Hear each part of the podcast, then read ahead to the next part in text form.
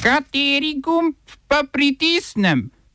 Tisti, na katerem piše OF. Grško sodišče skrajno desno stranko Zlata Zora označilo za kriminalno organizacijo. Etiopski parlament izglasoval prekinitev odnosov z voditelji severne pokrajine Tigraj. V Kirgizistanu po spornih volitvah še naprej ure. Koalicija ustavnega loka z Jožetom P. Damjanom na čelu.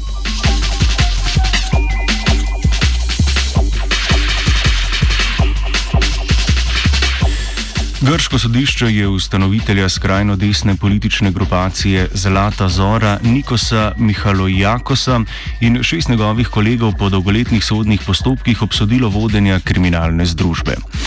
Še nekaj posameznikov je bilo obsojenih zaradi članstva v kriminalni združbi. Hkrati so sodniki Jorgosa Rupakijasa, člana Zlate Zore, spoznali za krivega umora antifašističnega reperja Paulosa Fisosa, ki ga je Rupaikas leta 2013 pred nekim lokalom zabodel do smrti. Delovanje Zlate Zore obsojajo tako koalicijske kot opozicijske stranke, Zlata Zora pa letos prvič po sedmih letih ni uspela prestopiti praga parlamenta.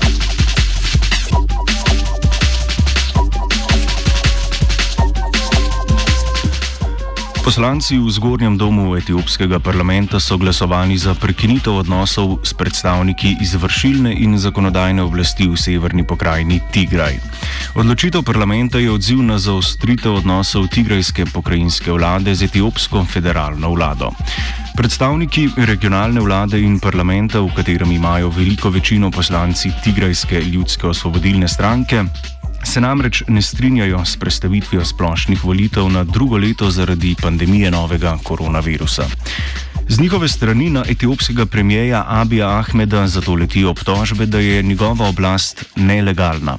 Ta jim žogica vrača z grožnjami o prekinitvi financiranja in možnem vojaškem posredovanju. Volitve so v Tigraju kljub odložitvi organizirali v septembru.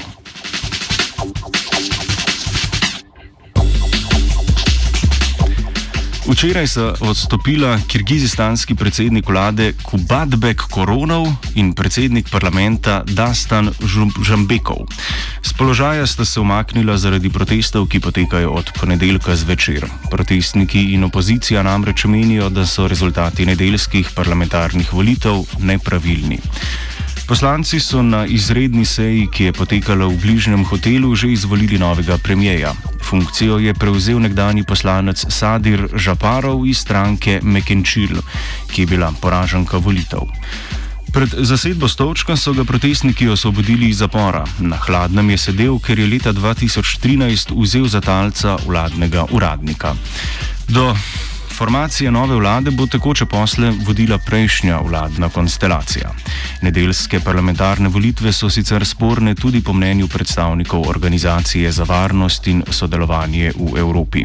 120 poslanskih mest bi si razdelile štiri stranke, od tega tri provladne.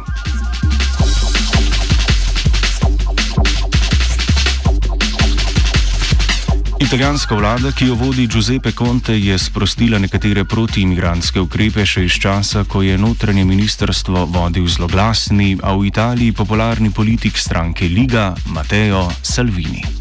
Znižali so globe za humanitarne organizacije, katerih ladje naj bi nelegalno plule po italijanskem morju. Organizacije, ki reševanje beguncev na morju koordinirajo z italijanskimi oblastmi, ne bodo več oglobljene. Begunci bodo v primeru, da jim v državi izvora grozita nečloveška obravnava in mučenje, ali pa jim je kratena pravica do družinskega življenja in zasebnosti, lahko ostali v Italiji. V skladu s Salvinijevimi ukrepi so namreč v državi lahko ostali le tisti, ki bi jim v izvorni državi grozilo mučenje. Kolegi ministrov je imel sicer težko delo, saj so imeli predstavniki koalicijskega gibanja petih zvest številne zadržke. Gibanje je bilo namreč tudi v prejšnji vladi, ki je strogo zakonodajo uvedla. Več o tej tematiki v offsajdu ob 17.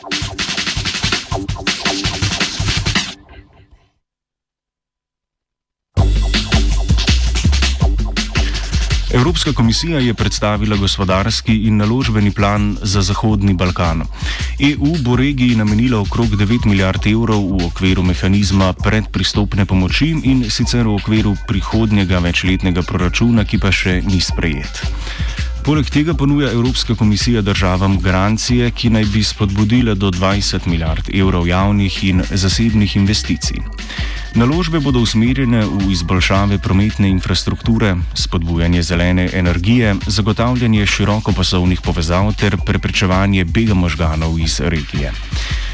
Če morebitne sredstva seštejemo s pomočjo preomenjenega mehanizma, predstavlja vsota približno tretjino bruto družbenega proizvoda regije. Ta šteje okrog 100 milijard evrov.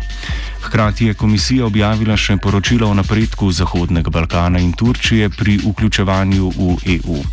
Makedonija in Albanija bi lahko k pogajanjem pristopili še letos, Turčija pa je zaradi oddaljevanja od demokratičnih standardov še nekaj korakov dlje od vstopa v Unijo. Kosovo in Bosna bosta morala do četrtka pogajanj izvesti še nekaj reform.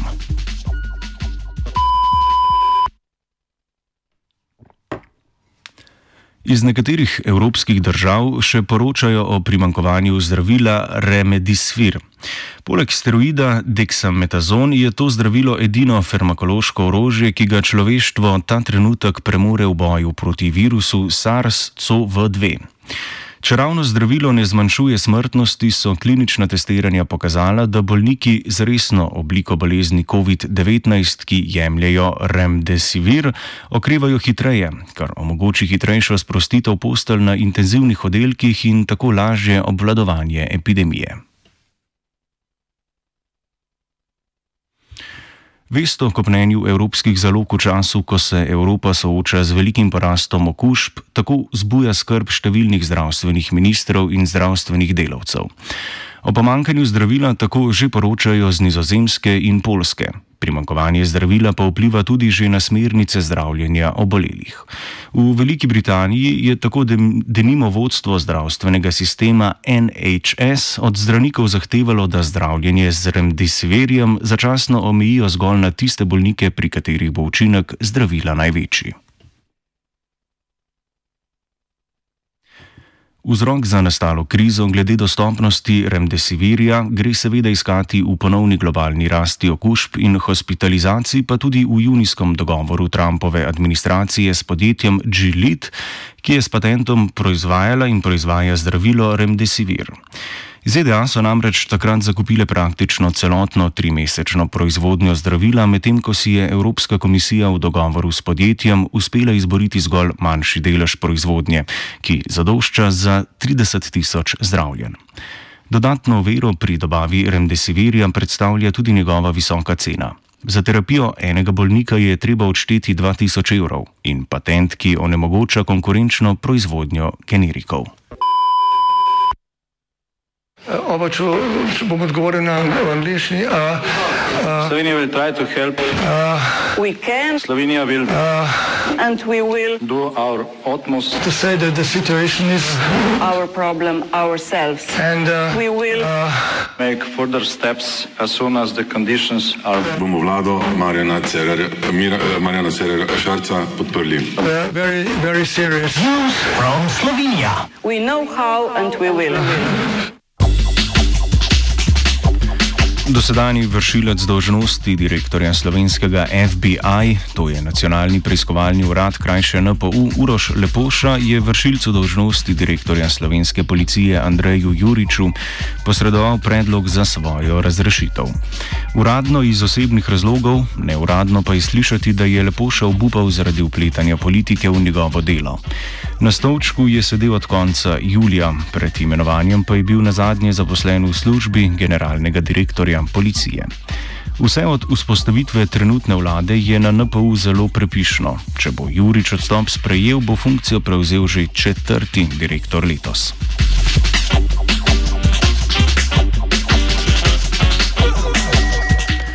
Projektna združba 2TDK, zadolžena za gradnjo drugega tira Divača Koper, ima novega generalnega direktorja.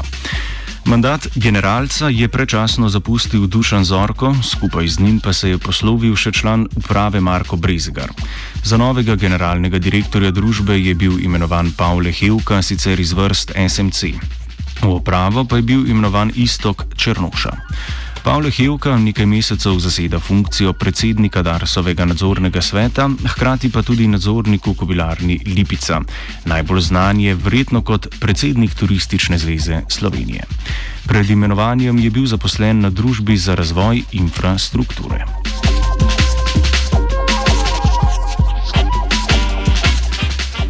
Medtem ko se vlada mudi na delovnem obisku Koroške, je v akcijo stopila opozicija. Predsednik LMŠ-ja Marjan Šarec, predsednica Saba Alinka Bratušek, voditeljica socialnih demokratov Tanja Fajon in koordinator levice Luka Mesec prav zdaj predstavljajo alternativo vladi Janeza Janše. Za mandatarja se je ponudil ekonomist, sicer kratek čas minister za razvoj v prvi Janševi vladi Jožep Damjan. V tako imenovani koaliciji ustavnega loka bi poleg preomenjenih strank lahko sodelovali še potapljajoči se stranki Desus in SMC, pa tudi NSI. Programske prioritete sicer ne najbolj verjetne koalicije bi bile sestavljene iz šestih stebrov za razvojni preboj, prijazno prihodnost, večjo pravičnost in varnost, ki so omenjeni in opisani v inicijativi za koalicijo ustavnega loka. Pod inicijativo so poleg Damjana podpisani še nekateri dojanše kritični intelektualci, denimo Spomenka Hriber in Slavoj Žižek. Za pladec, pladec in padec vlade opozicija potrebuje še sedem poslanskih glasov iz trenutne koalicije.